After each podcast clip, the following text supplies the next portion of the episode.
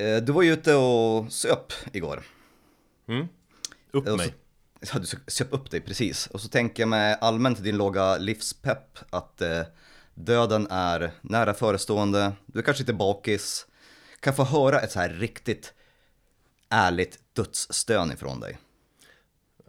Vadå, så, som du ska prata om sen, en sån variant? Ja, jag vill höra ett riktigt Ja, Nej, men jag, ja, jag gillar väl mer sån här lite mer... Nej, fan vet jag. Just nu skulle jag vilja köra en...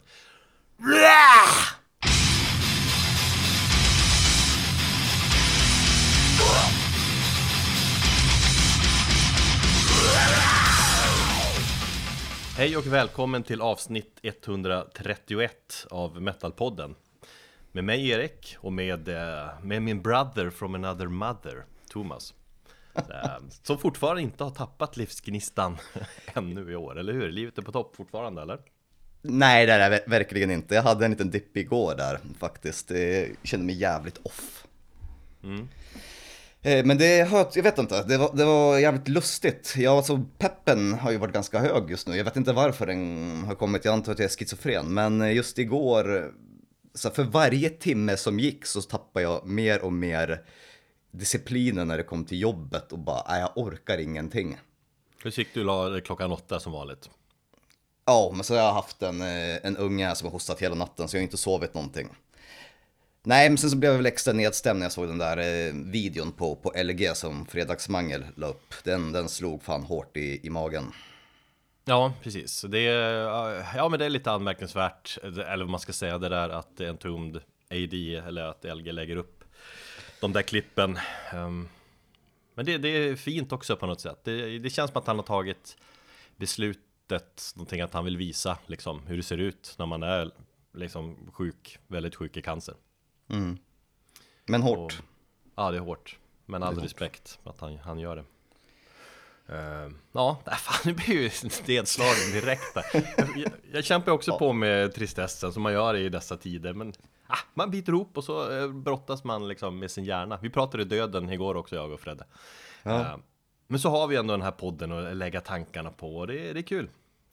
Jag är glad att du eh, kom ut igår. Jag tror du behövde det. Vad fan, det är ju, man, vi tog en AV liksom och drack några öl. Sen blir man utslängd klockan åtta liksom.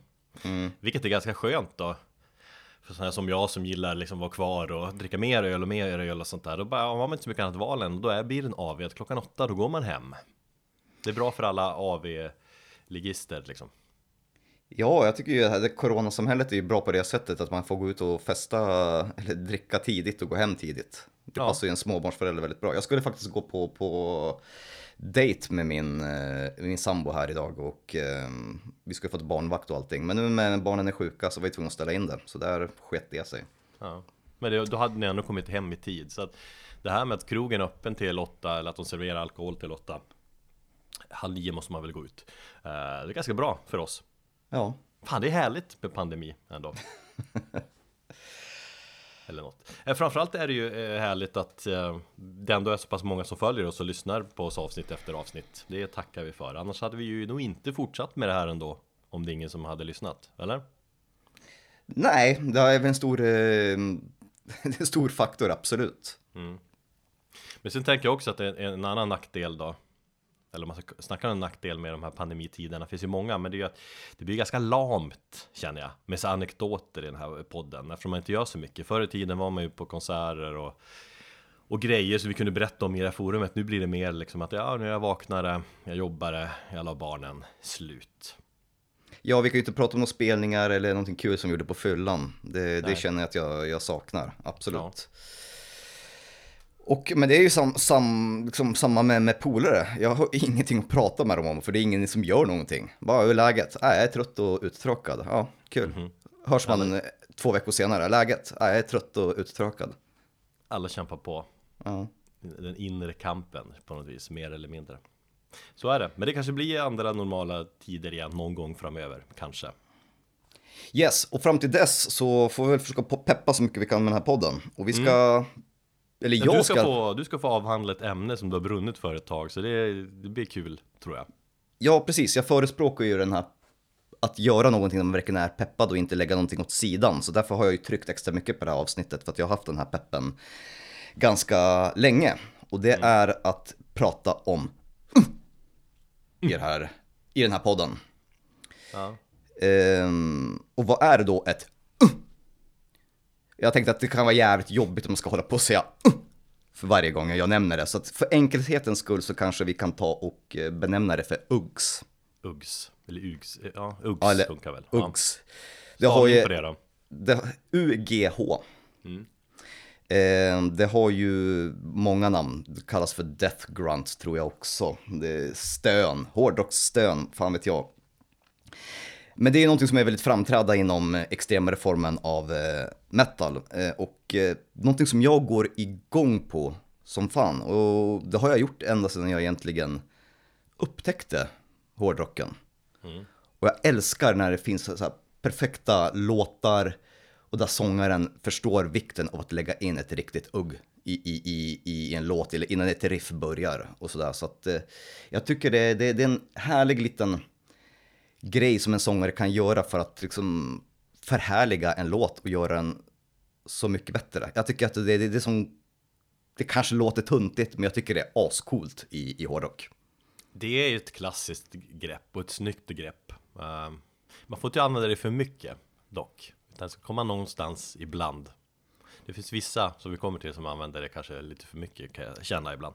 Absolut, det håller jag med om. Eh, Men samtidigt så är det också så här, det finns så många olika användningsområden för ett, eh, för ett ugg i, i, i en låt. Det kan ju komma som sagt precis i en intro, eh, i introt till en låt, där det är liksom innan ett riff, för att för, liksom starta upp en låt. Det kan ju komma typ i mitten av en låt eller någonstans efter en refräng för att typ, när man byter takt eller man byter, betyder, eller man, man eh, ändrar skepnad på låten. Eller så kan man avsluta en låt med ett stön också.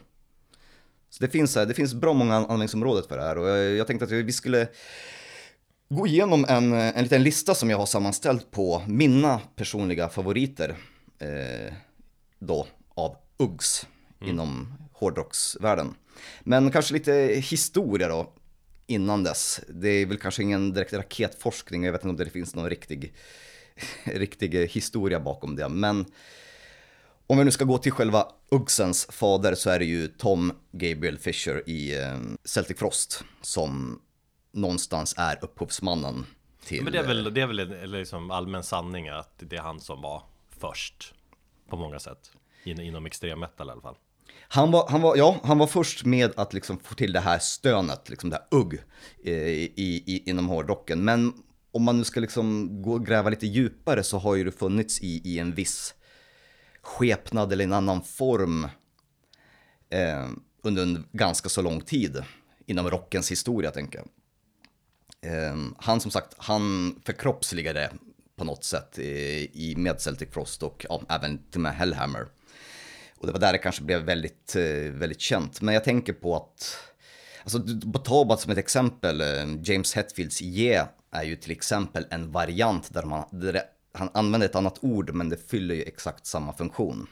Jag har ju tänkt det att det här, det du gör nu, det är ju liksom För jag körde ju Hetfields bästa järn, jäs Ja, Fan, precis. var. Att det här är din variant eh, av det Ja, men det är ju det, precis. När han kör med sina yeah, ooh och lite så Mm. Och okej, Tom G. Warrior i Celtic Frost är ju eh, Han är väl lite tuffare än James Hetfield eh, Fast Ja. hans, hans sätt att göra det, ja det blir, ja det blir lite coolare kanske Nej, men det finns som sagt, det finns ju olika ljud. Som sagt, James Hetfield är... Eh, så jag Fetfield? Hetfield?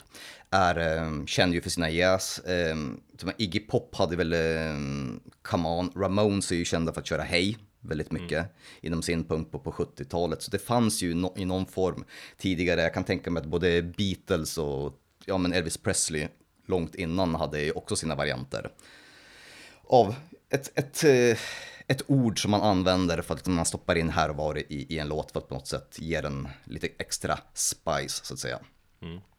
Och sen så ter den sig lite olika i olika genrer. Till exempel så har du ju Tom G. Warriors Uggs som har blivit en egen grej. Du har ju growl i form av något skrik eller bara ett gutturalt läte inom dutsen. Du har ju bla som du drog här i, i början, som är någon form av black metals motsvarighet, där det ska låta lite mer äckligt kanske. Lite mer primitivt på något vis. Ja. Så det finns, det finns olika varianter och det kanske för någon gång i framtiden så finns det utrymme att göra en del två där vi går igenom de bästa blä. Men i- idag tänkte jag vi skulle prata om Uggs. Och jag har lite så här eh, villkor på hur det ska, eller villkor som jag gått efter när jag har letat efter det här. Och det, framförallt att det ska vara kort. Det får inte vara mer än, ja egentligen en, en och en halv sekund långt. Det ska vara ett kort koncist ugg och det ska, måste vara ett U i början. Jag hittade väldigt många alternativ, eller liksom eh, grejer när jag sökte och då, då fanns det varianter där man an, han hade ett H i början eller någonting. Så att jag har, varit, jag har liksom dragit ner att det är ett tydligt Ö. Det får gärna vara en liten, liten kort svans på slutet, en liksom knorr på det, men det ska inte dras ut för länge. Och går det över en eller två sekunder, då, då pratar vi om att det är mer av ett form av dödsgrowl. Hänger du med? Ja, ja, ja nej, jag, jag, jag köper det. Eh, Men innan vi går in på listan så tänkte jag att vi skulle eh, lyssna på lite grann hur det låter när eh, Tom G. Warrior kör sina Uggs. Och man kan väl kanske också anklaga honom för att han, han använder det lite väl ofta. Och an, å andra sidan så tycker jag att han är ju en sån jävla hårding och legend så att någonstans så tycker jag det, ja, det är bara härligt att höra det. Ja, man svär väl lite grann i den här liksom true metal-kyrkan när man, när man säger då att, liksom, att det blir lite för mycket av det goda när Tom G. Warrior Men Tom G. Warrior, han gör ju verkligen de här uggsen hela tiden Och det, det är väl det vi ska få lyssna på här nu Ja, precis. Så här kommer ett litet hopklipp, eh, hopklipp av eh, Tom G. Bästa Uggs genom tiderna.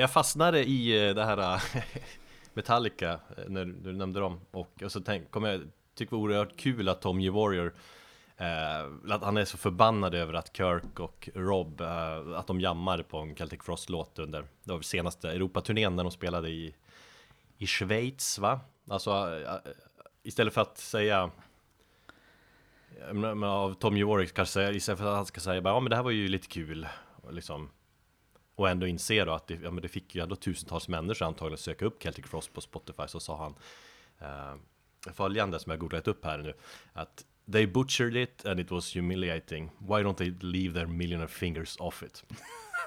Jag tycker det är så jävla härligt. They've long lost the ability to, to play true metal in my opinion Ja, jag vet inte riktigt om han, eh, ja, ska vi snacka om true metal och Tom G. Så alltså, vet jag fan, jag tänker på, på Cold Lake-plattan, men han har väl också ändrat, han känns som att han ändrar lite åsikt om, om, om saker och ting med jämna mellanrum. Ja, kanske man också, men jag kanske också går upp på scenen och, och spelar en helt miserabel version av Hit the Lights med typ 200 misstag för att liksom balansera upp det hela. Alltså, i hans försvar, ja, de slaktade ju den låten. Det var, det var ju bedrövligt. Å andra sidan så tycker jag att är man i hans ålder och fan gubbe, så kanske man kan ta det lite grann med, med, med, med ro och känna sig hedrad. Ja, Jag vet. Ja, det är ju det. Alltså, ja, de slaktar låtarna, men det är ju en del av hela deras arena underhållningsgrej. De lär sig en låt fem minuter innan de går upp på scenen från en artist som kommer från det landet de spelar i och fjantar lite med den. Så att, och folk blir så jävla lacka på det. Det är liksom... Bara, hur fan, nu är de ju helt sämst. Men jag är helt på Metallicas sida där. Eh, oavsett om liksom, de är miljonärer och inte kan spela true metal eh, längre eller inte. Men sen såg han ju Hetfield eh, och det gillar jag mer på något vis. Eh, Okej. så this is completely personal, but even if they had some had done a fantastic job covering the song, I could puke all over it because I don't get I don't support people who go hunting bears for a hobby. Ja. I cannot respect a person like that even if it's a genius musician. Så han syftar då på James Hetfield, då kan jag liksom köpa mer. Uh, och absolut Hårt ändå. Så, ja det är hårt, men liksom av, av ja, men Hetfield som åker land och rike runt eller har gjort det i alla fall och jagar björnar, det känns inte helt okej. Nej, nej, faktiskt det gör det inte. Sluta. Eh, Alright, är du redo för min personliga topp 15 eh, av de bästa uggsen inom musikhistorien? Ja, det kommer ju spåra lite här. Det känns som att det blir Uggs in absurdum på något vis. Ja, men, men det är det- fan det jag, jag, jag gillar. Jag, jag lyssnar igenom den några gånger och det, jag måste hålla med. Det är en gedigen lista du har satt upp här. Eh, jag vill också säga att det här Uggs-dyrkandet som jag Mm. insett då nu, liksom, det finns ju sagt en Facebook-sida där. Um, Just ja. dyrk, dyrkar Uggs och sånt där och det är, det många som går igång på det här. Och det är, det är lite löjligt också liksom att, men ah, både kul och Ja, jag tycker att det, jag tycker det är kul. Det är det. Man måste få ha roligt ibland också. Ja, men precis, och det var lite det som var tanken eh, med det här avsnittet, att nörda ner sig och, och bli lite tuntig efter att ha varit så jävla professionella och allvarliga de två senaste avsnitten, tänker jag. Skönt att, att blanda högt och lågt. Så, i eh, ingen eh, speciell ordning, eh, ingen inbördes ordning, så tänkte jag köra de, eh, mina personliga eh, 15 bästa Uggs i, inom diverse olika, det kommer bli blandat mellan gammal och eh, väldigt, väldigt ny musik. Så det bara att luta er tillbaka. Eh, vi börjar på, med låt nummer ett. Och eh, Sodom, från plattan In the Sign of Evil, så kommer låten Burst Command till War. Och där finns det en hel del Uggs, både i, i mitten, i början och i slutet. Men vi lyssnar på ett bra Ugg, precis i början.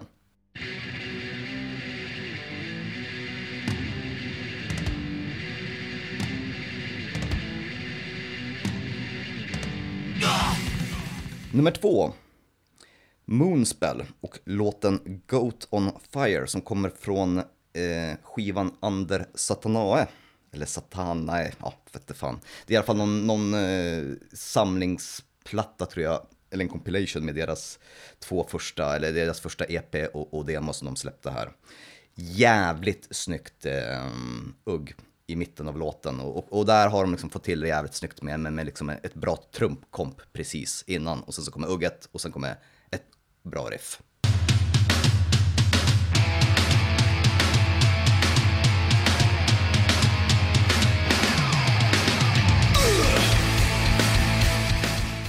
Nummer tre, Opeth och låten Breath. Eh, från- Liten eh, favorit hos mig. Var, jag tänkte på Ja. den direkt när jag tänkte på vilka vad ska man ta. Då kommer jag bara tänka på den. Så, ja men fan, det finns ju väl hundratals exempel. Men det var lite kul att du tog den. Eller den dök upp i min hjärna direkt också. Ja, eh, det är från plattan Deliverance och det är väl den skivan som gjorde att jag föll pladask eh, för eh, Opeth. Även om den är kanske mer teknisk än andra plattor så, så diggar jag den som fan och det är kanske en av mina favoritplattor med, med bandet faktiskt. Från den liksom tidigare repertoaren om vi säger så. Eh, Opeth har ju också en hel del eh, bra uggs. Jag, såg, jag hade tänkt att ta med några från eh, Blackwater Park men det är ju ingenting som blir så jävla snyggt som just i introt på den här låten. Nej, det är jävligt snyggt.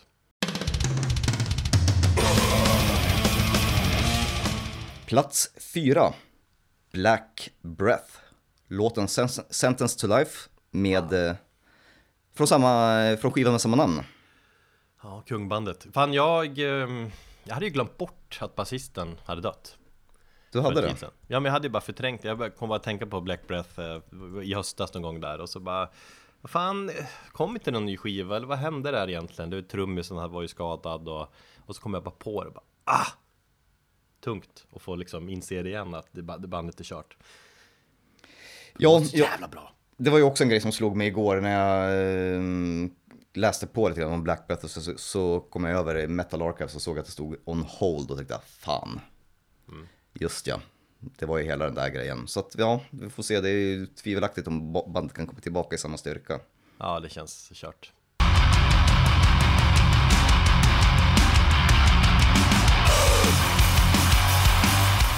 Eh, plats fem, eller nummer fem, eh, och en jävligt ny skiva. Och det är från Gatecreepers senaste eh, överrasknings-EP, eh, Un- Unexpected Reality, kommer låten Starved.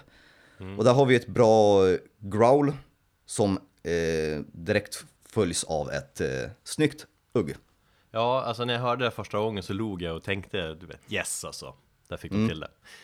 Eh, för det är som att man flörtar med old school också, att man vill liksom säga att eh, det här har vi växt upp med, nu gör vi det här i vår tappning. Ja, jävligt bra platta för övrigt. Jag gillar, eh, jag gillar de här hårda, punkiga låtarna. Vi har ju pratat om den här plattan ganska mycket på sidan om, kanske inte i podden dock, men just att det här är deras, eller, eller någon form av coronaplatta. Jag reagerar ju på att de, de skrev att nu har vi nu har vi släppt åtta nya låtar. Just det. De har, inte- de har inte skrivit att, de har skrivit att, liksom att det är en EP eller ett nytt album Utan det är bara vi har släppt lite, eller vi har släppt lite ny musik Och det tycker jag var, jag tyckte det var fascinerande att man ändå Man ser att det här är någonting annat. Det här är någonting de har skapat nu under coronatiden och släppt liksom. Ja, och de sa ju det ganska tydligt också att eh, det här är ju ingenting som ska ses som ett eh, tecken på, på vad som komma skall på en eventuell förlängdare, utan här har vi bara tagit till oss våra personliga influenser och gått tillbaka till våra egna rötter och den musik som vi växte upp med. Det är en experimentell coronaplatta Vi kanske kommer få se mer såna här typer av eh, skivor eller musik under året som, som kommer Hoppas jag, tror jag När ni lyssnar på det här avsnittet, eh, fredag den 19 eh, februari, så kan ni också, glöm inte bort att Gatecreeper ska göra, köra sin första livestream. 100 pix för att få se det. Det är jag sjukt peppad på, ska fan vara full och headbanga i vardagsrummet. Ja, det kanske man ska säga. Jag har tappat sugen för det där med... För, från början tycker jag det var spännande som fan och hur man kunde lägga upp det på olika sätt. Men sen... Ah, det där... Piken har gått för länge sedan för mig. Nu känner jag bara när jag ser de här streamkonserterna att det är ju inte alls liksom vad, vad det kan vara. Liksom. Det är bättre Nej. än ingenting, men jag, när jag ser dem här så saknar jag bara riktiga konserter. Jo, absolut, men man får väl ta, ta till det här när det inte finns någonting annat och de har lovat att försöka göra i och med att de själva känner rätt suget efter att spela så har de lovat att försöka göra det här till en så svettig spelning som möjligt. Hur det nu kommer bli, det vet jag inte, men de kommer nog själva, de är nog jävligt peppade själva på det.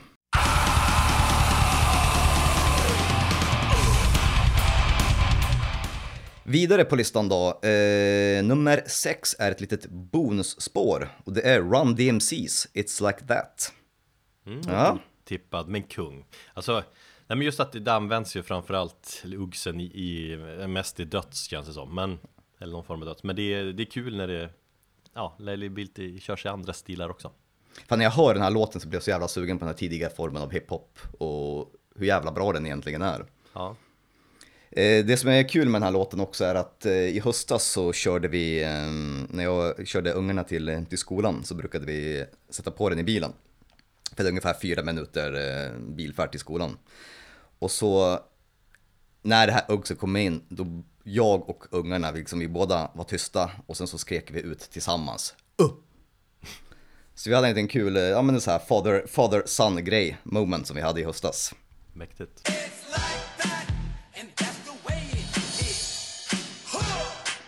Eh, nummer sju.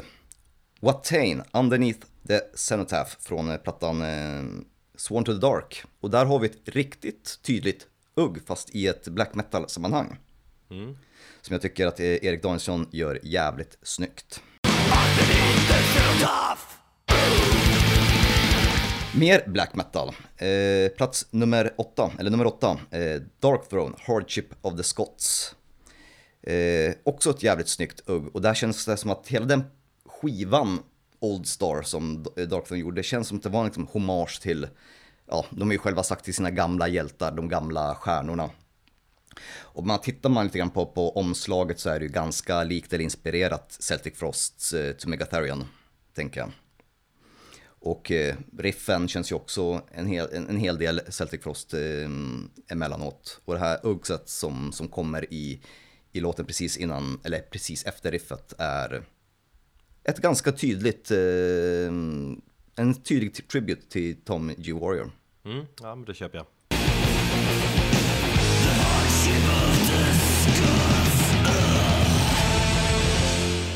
Nummer 9, Morbus Kron från plattan Sleepers in the Rift så kommer eh, en jävla massa Uggs i låten Creeping Creepy Creep. Alltså det här, den här står ju ut, den här gillar jag mest Alltså jag, fan jag går igång igång på den här så jävla mycket Ja, men det, där, är, där har du ju, alltså jag vet inte hur många gånger jag ser det, han, han först growlar han till lite grann, så kommer det tre, fyra Uggs, så kommer Han riff det och så ju- kommer det till Ugg liksom. Ja, just det med att han gör dem med variationer också. Ja, Olika tonlägen ja, alltså det är, det är riktigt jävla snyggt. Precis när man tror att nu är det över så kommer det till liksom.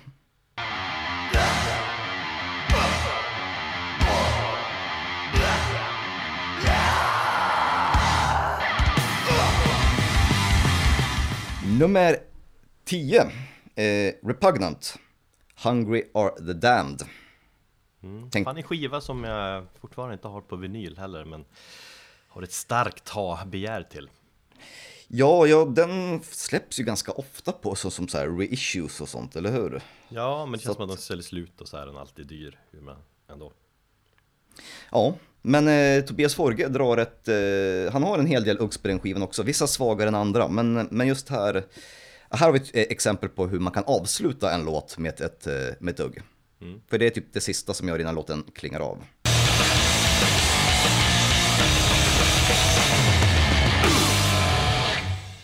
Eh, nummer 11, Vampire, The Bestial Abyss. Och det är ju precis i början där till introriffet då, som har ett eh, Lars Martinsson, eller vad han nu heter i efternamn, han har ju bytt efternamn, drar ett jävligt snyggt ugg innan riffet kommer igång. De har väl en del Uggs på skivorna va? Eh, inte så mycket som jag trodde, de har det även på, på senaste plattan också, på, på Rex, men eh, det här var snäppet vassare.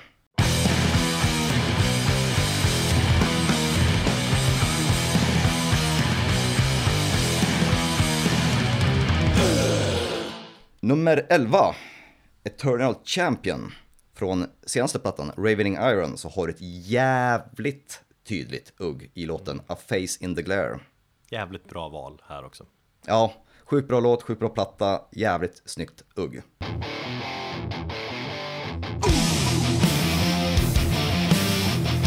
Eh, nummer 13, Unto Others, eller som de hette förr i tiden, eh, Idle Hands.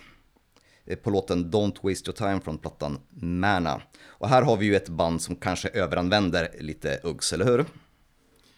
eh, Kanske, inte så bra koll Nej, det, det är en hel del eh, Uggs på, på, på skivan. Jag vet att de har fått både ris och ros för det. Framförallt så är det väl en hel del folk som har sagt att det här är det bästa sedan eh, Celtic Frost när det kommer just till Uggs. Och att de, de älskar hur mycket, hur mycket Uggs det är på skivan, för det är ganska överallt. Å andra sidan så kan jag tycka att han eh, borde hålla tillbaka där, för att han drar lite väl många på ställen där jag inte riktigt tycker att det passar. Nej men då tappar man effekten av det, det är det jag känner Om man kör det hela tiden så blir det bara, äh, det ska komma in någon gång ibland och då är det jävligt mäktigt Ja, det, det gäller ju att tajma det rätt. Ja, Och här drar han ju också ett gäng Uggs innan låten tar slut.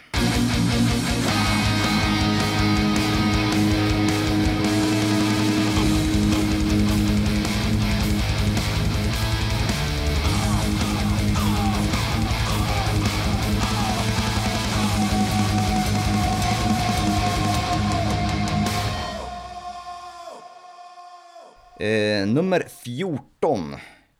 Eh, enkelt och effektivt. Skitsystem eh, från plattan Stigmata, låten Våld. Jävligt bra sätt att kicka igång. Det är jättekort, ugg.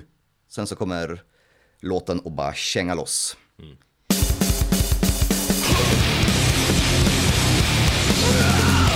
Och slutligen då, plats nummer 15, eh, där hela idén till det här avsnittet föddes, eh, var faktiskt i november när jag var ute och sprang i, i spåret och lyssnade på The Lurking Fear. Eh, och eh, Tompa Lindebergs fantastiska insats på den eh, plattan, Out of the Voiceless Grave. Där han drar ett jävligt snyggt ugg med en liten knorr på slutet i låten Vortex Spawn. Och han gör ju faktiskt inte det så mycket i sina andra band. Eh, han drar ju Go, en hel del Go, i, eh, eller gjorde det i At the Gates. Eh, growlar och skriker i The Crown och skitsystem. Men eh, jag har inte hört så många just Uggs i, av, av den här, eh, från den här personen. Och just i, när det är en skiva som, som det här, jag har ju fått sån jävla superpepp på den här skivan, eh, Out of the Voiceless Grave. Eh, ja, sen egentligen, jag köpte den då där i, i november. Eh, jag var ju så här halvt sva, eh, svalt intresserad av den när den kom. Men, men peppen växte sig väldigt stark eh, med åren. Så nu ser jag fram och förhoppningsvis så kommer det väl en, en ny platta innan årets slut med bandet. Om allting går bra. Han är så jävla han är ju fan fyra, fyra plattor han ska släppa med fyra olika band. Minst. Jävligt produktiv. Sen jobbar han väl heltid som lärare eller något sånt där också. Ja. Fatt, fattar inte. Har han barn? Vet ej. Nej. Men Jag vill är- säga ja. Ja, man vill säga ja. Eh, Men det är, sånt där är fascinerande när man har tusen projekt och lyckas få ihop det. Det är ju som en sak att bara, ja men typ eh, jamma lite grann, men just att hela det steget få ihop en skiva med allt vad det innebär i form av tid och pengar och allting. Det är, ja, det är lite fascinerande tycker jag. Ja, At the Gates som förmodligen kommer släppa härnäst en ny platta. The Lurking Fear har jag förstått att inspelningen har skjutits på, så den kanske blir sen och kanske inte släpps i år. Och ehm, det här han är tillbaka i Locked Up, eller Lockup heter de kanske. Där han ska dela på, på eh, grindcore-micken tillsammans med förra killen, vad han nu hette. Okej. Ja, de är jag noll koll på faktiskt. Ja, det borde göra. Det är ju sånt jävla super grindande, dödsblästande. Svinbra. I alla fall de skivorna med just Tompa på. Får vi återkomma till.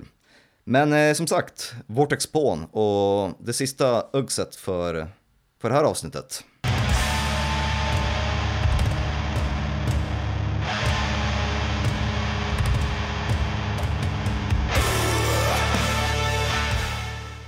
Jag var på en eh, 40-årsfest i helgen så var Online framför datorn, så där, som man gör nu för tiden Nu när man är i framtiden, modernt. Då söp du upp dig, eller ner dig.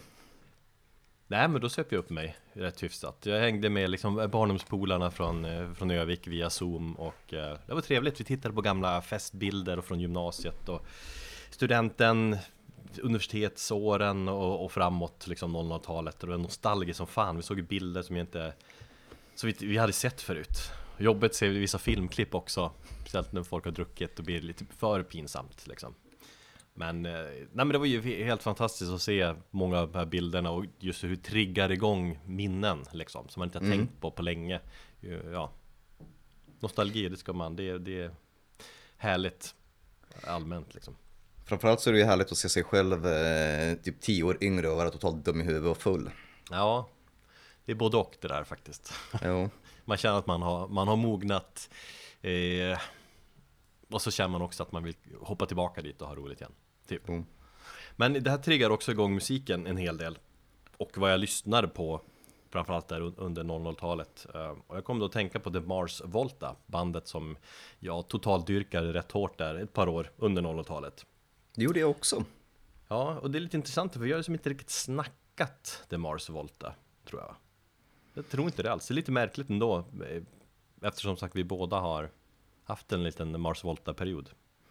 Ja, och framförallt så kanske det, du har väl tyckt att det är eh, lite överraskande att jag gillar The Mars Volta. Ja, Det Eller? får jag ändå, det får jag absolut säga. Nej men jag tycker piken kom nog 2005 med plattan Francis the Mute. Eh, skiva som har betytt mycket för mig och betydde väldigt mycket för mig då. Eh, och liksom mycket i form av liksom utveckling, eller att kunna lyssna på kanske lite mer udda och, och mer utmanande musik. Och det är en skiva som jag eh, har återupptäckt nu faktiskt och har svävat iväg till rätt totalt under hela veckan. Då har du ju sett när jag skrivit till dig mitt i natten att bara jag är inne på Mars Volta. Mm. Så därför tänkte jag helt enkelt nostalgitrippa den här plattan lite grann. Ja men det är kul att du, du gör det för att jag har, så här, Mars Volta är ett band som jag, som, som sagt, jag lyssnar på jävligt mycket. Jag eh, tycker ju dock att The Lost in the Crematorium är snäppet vassare än Francis the Mute. Mm. Det tycker Men jag- de flesta tror jag. Mm, ja det kanske, kanske är så. Mm. Jag ska komma fram till varför det inte är så. Ja. ja men det ska vara absolut kul att höra. Men jag lyssnade också på de två plattorna, sen tappade jag bandet lite grann och sen så återupptäckte jag när de släppte den här, vad heter den nu då? Eh, The Bedlaming Goliath. Jag tror den kom 2008 eller 2009. Och sen så, sen dess har jag egentligen ingen koll. Och så här, med jämna mellanrum, någon gång vartannat år så tänker jag just det, Mars Volta kanske man borde lyssna på. Ja. Och, och så försvinner det. Ja. Och igår hade jag en sån här dag där bara jag var osugen på det mesta och så tänkte jag, nej nu ska jag fan lyssna på The Mars Volta. Så jag drog igenom deras diskografi under tiden jag jobbade. Och kände peppen. Ja, de är ju intressant för de är ju de är inte metal på det viset, de är, de är mycket annat. Men kanske därför också att de har flugit lite under radarn, äh, un- under podden liksom. Men jag håller med om att man tänker på dem ibland, men man liksom, det kräver en del att kunna ta upp och lyssna på de här skivorna igen. Man måste ju ändå hänge sig åt dem ordentligt. Jo, Ehm, Men vi kan väl ta lite bakgrund då. Eh, Mars Volta är ett band som startades 2001 med, eller av eh, Omar Rodriguez Lopez som är Han är ju som gitarristen, låtskrivaren och producenten Han som är det mastermind och så är det sångaren Cedric Bixler Zavala just det. Ehm, Och de startade bandet efter att deras förra band Det här post- post-hardcore-gänget The Drive-In hade ja, imploderat eller vad man ska säga Också ett fantastiskt bra band och sista plattan de släppte där innan de splittrades var ju skitbra Relationship of Command Just, just ja, ja. Det, är- de, de lyssnade också på en hel del där i, kring 00-talet. Ja, jag också. Och det, den skivan blev väl någon form av liksom ett kommersiellt genombrott som de hade kämpat för. Men som jag fattat det rätt så var det just det som var problemet, att de hade hamnat på den här äh, kommersiella sidan plötsligt. Så många band vill åt, medan de kände att nej, men då var det liksom skivbolagen kom där och liksom producenter skulle styra dem och de lackade bland annat ur på grund av den här äh, supermixaren, eller som har mixat så jävla mycket, Andy Wallace heter han va? Ja. Ehm, hade gjort mixen på den här. Så de, de tyckte var att skivan blev så jävla slätstruken på grund av det då. Okej. Deras sätt att se det. Fast man lyssnar på plattan är den ju liksom rå. Alltså det är ju skitbra. Men äh, de kände väl att de inte fick göra det de ville riktigt. Mm. Och sånt älskar man ju. Du vet, de har kämpat på harvat på och så får de någon, någon typ av genombrott liksom. Plötsligt kan de liksom åka på större turnéer och allmänt få en liksom bedrägligare tillvaro. Bara, nej, nu skiter vi det. Sen var det väl där liksom musikaliska skiljaktigheter och sånt där också som satte stopp. Ehm, men så startade de The Mars Volta istället och den här första plattan, Delused in the Comatorium ehm, Är det komatorium eller crematorium? Co- Comatorium Ah, Okej. Jag tror det är något lek med ord där, han håller på så hela tiden. Leker, sätter ihop konstiga ord och sånt. Mm. Ehm, Den släpptes ju 2003 som blev en succé, de, läste, de sålde en halv miljon av den plattan. Åh fan. Och det är liksom Ja men det är, det är mycket drive-in Att det är drive-in känsla på den. Ehm, Men det är mer proggrock och den är liksom mer utsvävande På många sätt. Bra jävla platta. Men ändå liksom mer, och därför många gillar den kanske Mest, många i alla fall Ehm, För den är mer tillgänglig än andra plattan då, Francis the Mute som kom där 2005 som sagt Och som är en platta som jag vill dyka in lite extra mycket i Jag ser här att deras senaste platta Nocturnicate kom 2012. Betyder det att de inte är eh, aktiva längre? Eh, nej, just nu är de inte aktiva. De har på senare, för att alltså Drive-In hade ju någon Eller både The Mars Volt och eh, The Drive-In har väl haft någon återförening. Alltså Drive-In senast har vi kört. Men sen har de väl sagt också i intervjuer att jo men The Mars Volt, alltså för stunden är det vilande men vi är absolut sugna på att ta upp det här bandet igen någon gång i framtiden. All right. Så att det är inte helt dött, så det är, det är kul att höra. Mm. Um, men Francis the Mute är ju en platta som är, där har de släppt på gränserna och har svävat iväg. Och det, den är som så jävla härligt progressiv och, och så härligt avantgarde på alla möjliga sätt. och det är liksom det är skapelse som verkligen är så ja, men unik, kraftfull och stundtals också väldigt utmanande platta att lyssna på. Um, Genremässigt så beskriver plattan sådär progressiv rock och psykedelisk rock och experimentell rock och jazz fusion och post-hardcore, post-rock. Um, någon beskrev den som sci-fi, emo, Emo progrock. Ja. Ja, nej, men alltså det, samtidigt när man känner det, men det finns ju en gräns tycker jag ofta när det blir när det blir så här, eh, mer än tre, fyra genrebeteckningar, då känns det som att det blir bara löjligt. Och då är det bättre att bara släppa och liksom bara uppleva. Alltså, det var någon som hade beskrivit plattan så här It's not prog rock, it's not punk rock, it's not emo, it's not indie, it's, it's just music and it will incinerate your mind if you let it. Alltså, Mars Volta känns ju som ett jävligt unikt band i den bemärkelsen att det finns ju ingenting, eller ingen annan som låter som dem. Nej, Och där är de ju unika bara i det, att det, liksom, det finns inte ens någon som ska efterapa dem. nej det Eller går har- liksom inte. Nej, Man kan ta inspiration men att det är, de är verkligen helt unika. Och sådana band, eh, ja men det, det, det är spännande med sådana band. för att jag, jag vet att, eller jag har kommit, eh, träffat på fler exempel liksom, i jobbsammanhang där man märker så, ja men det här bandet rekommenderas för fans av The Mars Volta och då förväntar man sig ju kanske någonstans att det ska vara, ja som du säger, flummigt, avantgardiskt, eh, allt möjligt. Men, men, så sitter man där så bara, vad fan, det här är inte ens i närheten. Nej. Nej men allt som är lite utsvävande kan man väl liksom säkert jämföra med The Mars Volta. Det är väl inget konstigt så, eller att, att det blir så. Men det är kul också, jag har gått ut på nätet, gått tillbaka och läst massa recensioner av den här plattan. Och, och det, är, det är ju många liksom som älskar den, men det är ju många också som bara beskriver den som en sörja typ. Okej. Det är ju så att det är, det är bara, här är bara dynga. De, då klarar man inte av det här Det här super progressive tänket och det här gränslösa liksom och, Nej men just att det inte finns några så här standard låtstrukturer och så vidare. Vissa, det går ju inte för många. Nej. Eh, Omar själv, eh, som skriver all Mars musik, han, har, han har, har sagt så här då. För det, det är mycket diskussion om det, liksom, det här med progressive och vissa har svårt, liksom, äh, men vi vill inte beskriva som progressive. Men han säger att eh, progressive is not a dirty word for people to use about us. If you're not moving forward, you're stagnant and that's no way to live. Nej. Och det tycker jag, fan det är ett, jag inte, det fastnar, det var ett, ett kraftfullt citat. Om du inte är liksom, ja men om du är stillastående och inte utvecklas, så då lever du inte.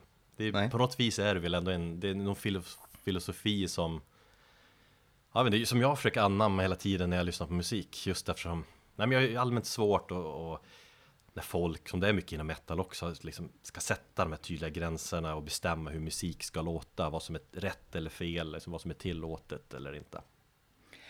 Allt förändras ju och det är väl bara rulla med, med tiden. Gör du inte det så kommer ju du hamna längst bak. Det är lite så. Det blir dumt att ha det tänket, men jag försöker liksom vara... Jag tycker man ska försöka vara så öppen som möjligt. Även om det är svårt. Och så ska man lyssna på The Mars Volta. Men det är sen när jag hamnar i, i avantgarde musiktänket så har jag ofta tänkt på den här plattan. Det är liksom på något vis, något vis är det min go-to avantgarde musikalbum på något sätt. Um, men så jag, jag har gått tillbaka och läst en hel del om den här plattan, eh, intervjuer och sånt, hur de skrev den. eh, och, så, och liksom fått veta saker som jag inte hade någon koll på alls när den släpptes då för ja, 16, 16 jävla år sedan. Ah! 16 år sedan. Eh, nej men som sagt, det, det är Omar som Han stått för arrangemangen på plattan och han är också producent Eh, Sen har han suttit och enskilt med varje bandmedlem En och en och lärt dem låtarna och deras partier Och gått igenom varje del och så har de spelat musiken extra långsamt Så att de har verkligen förstått varje liksom vad som händer. Och sen när bandmedlemmen har förstått upplägget så har liksom Den fått liksom utveckla de delarna och göra lite mer sin grej Färgade med sitt spelsätt och sådär. Um, Men sen när de har spelat in musiken Då har han liksom då har han också spelat in varje medlem för sig själv. Och utan att de har fått höra någonting av vad de andra bandmedlemmarna har spelat. Vilket är helt vrickat. Alltså normalt är det ju, det är väldigt till, vanligt tillvägagångssätt att man först spelar man in trummorna liksom. Jo, Då har du grunden. Och så kanske man tar in Efter att trummorna har lagts, tar man in eh, liksom basen ska lägga Ska läggas Men då får ju basisten höra trummorna också så att han kan spela till det Ehm, Och sen läggs gitarr och sist sång typ Men efter att i det här fallet Då har liksom basisten fått komma in och då har han bara fått spela in liksom efter en metronom Bara för att liksom hålla räkningen och så veta var i låten han befinner sig alright. utan att få höra några trummor Och sen har saxofonkillen fått komma in lägga sina grejer liksom bara, Utan att veta vad de andra håller på med egentligen också Eller de, ja, han är ju, Omar har ju liksom övergripande Tänket sådär Ja, han har ju väl kollen på vart de ska lägga vart, tänker jag. Jo, jo precis. Ja, De har ju gått igenom, han har ju spelat, eller gått igenom skivan med varje bandmedlem Just när de lägger, du kan bara höra, det är helt tyst och du bara hör liksom Eller som någon typ av metronom liksom. Och det där, jag inte, jag tycker jag är helt fascinerad av det där. Och, det, det, och samtidigt tillvägagångssätt som förvånar mig väldigt mycket också För när man hör plattan så känns det som att ja, Flera delar är så jammiga. Typ att man tänker, okej, här, nu här har de knackat ner sig och så har de gått in i, i studion och så har de jammat loss Ja. Det, det tänkte jag på när jag lyssnade på debuten igår. Och det kanske de gjorde mer så, men på Francis the Mute är det, då är det liksom det är lite mer genomtänkt ehm, Mer genomtänkt än så, att de har verkligen varje detalj Fa- Fast jag får ändå inte riktigt ihop hur, de, hur, man, hur man lyckas med det Men allmänt, allmänt är det en teknik som han har snott från filmvärlden Okej. att, eh, Hitchcock brukar använda sig av sådana här filmtekniker och jag tror liksom att David Lynch gjorde så när han spelade in sin sista spelfilm, den här Inland Empire, har du sett den? Nej. Med Laura Dern som är liksom, det är tre timmar som spårar totalt, du, alltså den fuckar upp din hjärna totalt när du ser den. Men det går liksom inte att hänga med den. Och jag, även Laura Dern har ju sagt att hon, hon fattar stundtals ingenting om vad hon höll på med överhuvudtaget. För att liksom Lynch spelar in scener bara med henne, liksom när hon pratar med någon annan och eh, För att förvirra och liksom göra något, något speciellt fi- filmgrepp då Men det är ballt. Ja. och det är kul att leka med tanken. Och det, det gör också skivan ännu mer intressant. Det blir som ett djup på, på skivan som jag Som jag gillar. Jag läste också att vissa bandmedlemmar gillar Vissa hatar det liksom. Men de tänker att ah, det är Omar som, som bestämmer. Det kan ju vara kanske också det anledningen till att de ja, la ner eller att det blev spänningar i bandet, tänker jag. I och med att det verkar inte vara den lättaste inspelningsprocessen eller liksom att bidra med någonting i, i till det där bandet. Nej Samtidigt har det alltid varit eh, Omar som har Det är han som alltid har varit liksom presidenten Eller han som alltid har skrivit allting Så det är ju ändå upplägget och det får man väl finna sig i Men visst Har du sett dem live då? Ja, det har jag gjort. Ehm, 2005 på Hulfred såg jag, fick jag ju fan se dem. Och det Okej, var... ja. Nej men det var ett sjukt bra Hultan-år överhuvudtaget. Det kändes som att... Jag tror Varsvolt de spelar hur länge som helst. De spelar fast sist av alla och det kändes som att de spelade till soluppgången. Ja, det, det är typ det minnet jag har. Att av alla band har lagt ner för länge sedan och de bara spelar och spelar och spelar. Jag har ju läst om när de, alltså de har kört gig när de har bara gått upp och jammat och improviserat i en timme liksom. Ja. Nu var de inte riktigt så, nu kör de ju låtar men däremellan så är det ju liksom svävar de iväg i jampartier och jag minns framförallt trummisen John Theodore väldigt tydligt som är en av, en av de bästa trummisar jag sett live. Han är ju helt sjuk, han spelar ju för övrigt med eh, Queens of the Stone Age nu för tiden. All right. Som han, det har väl i och gjort i tio år. Men det är också en stor anledning till att om, om man Queens of the Stone Age kommer igen så måste man gå och se dem bara för att det är bara så jävla bra trummis. Ja, jag såg eh, Mars Volta tror jag på Roskilde något år. Mm. Jävligt bra var det faktiskt. Så du också så vilket, här, vilket år ungefär? eh, 08, 09 kanske. Mm. Osäker där. Sen så har jag för mig att jag sett dem lira på eh, The Base Medis också. Där precis innan 10-talet, eller kring 10-talet. Ja, Så att det är jävligt, det är jävligt bra liveband. Det är en ja det är upplevelse att se dem live. otroligt bra liveband. För att de gör så mycket mer än liksom det här vanliga metal eller rockbandet liksom. Det är Mm. någonting helt annat. Eh, tillbaka till skivan där så har jag insett att ah, mycket, de har ju mycket am- ambienta ljud och bakgrundsljud som, som pågår hela tiden. Eh, och det finns en del exempel på, på det. Det finns i, i introspåret så det avslutas med till barnröster och passerande bilar som har spelat in. Som ger, det ger en viss känsla i ljudbilden. Och så, ehm, det finns ett annat, eller första delen av den här låten, Miranda, That Ghost. Fan Just Isn't Holy Anymore. Den inleds med fyra minuter av grodljud. Någon speciell kalifornisk groda liksom. um, Det blir inte lika häftigt när man vet vad det är för någonting. När man inte vet då bara låter det Det är bara märkliga ambienta ljud men som ändå sätter en viss känsla. Jag kan ju dock tycka att just det där grodlätet och just ett intro på fyra minuter kan vara lite i överkant. Ja. Fast ändå briljant. Om man är inne i det och bara liksom lå- låter det sväva iväg och liksom bara ta in det. Um, Men det är så han jobbar, med, och man jobbar mycket med känslor i sina produktioner, jobbar mycket med olika ljudlager. Jag tror det är det han vill åt när han spelar in liksom, musiken en efter en. Att det ska skapas olika lager av musik på varandra. Och att det inte allt ska vara helgjutet utan man ska liksom upptäcka att man kan gräva ner sig i olika delar av musiken. Mm. Så det är inte bara, det är inte bara att han är en störd gitarrist, han är också en väldigt intressant eh, producent också. Ehm, och något som, jag, något som jag heller aldrig förstod då för 15 år sedan och som jag typ fortfarande inte gör helt och hållet Det är uppläggen på låtarna och antal spår på plattan Var det någonting som du var konfunderad? Ja. Eh, nej, vad, vad tänker du på? Nej men det var, det var, nu håller jag ju i skivan här också Ehm, Nej men i, i grunden består skivan av fem låtar Men det, det skiljer sig Hur låtlistan ser ut på omslagen Eller omslaget här om man tittar eh, Jämfört med hur många spår skivan är fördelade på. Okej, Och även på omslaget man lyfter på CDn här så finns det även låten Francis the Mute med. Men den titellåten klipptes bort för att den, ja, den fick inte plats och hamnade på någon B-sida Men Så finns det en version på Youtube då där skivan inleds med det titelspåret. Och då blir skivan fan ännu bättre. Men allmänt är upplägget rörigt och lynchigt och därmed också ännu mer fascinerande. På Spotify till exempel har de ju fuckat upp låttitlarna helt och hållet. Den som la upp den där, han har inte haft en aning om vad han håller på med liksom. Spotify-personalens värsta mardröm.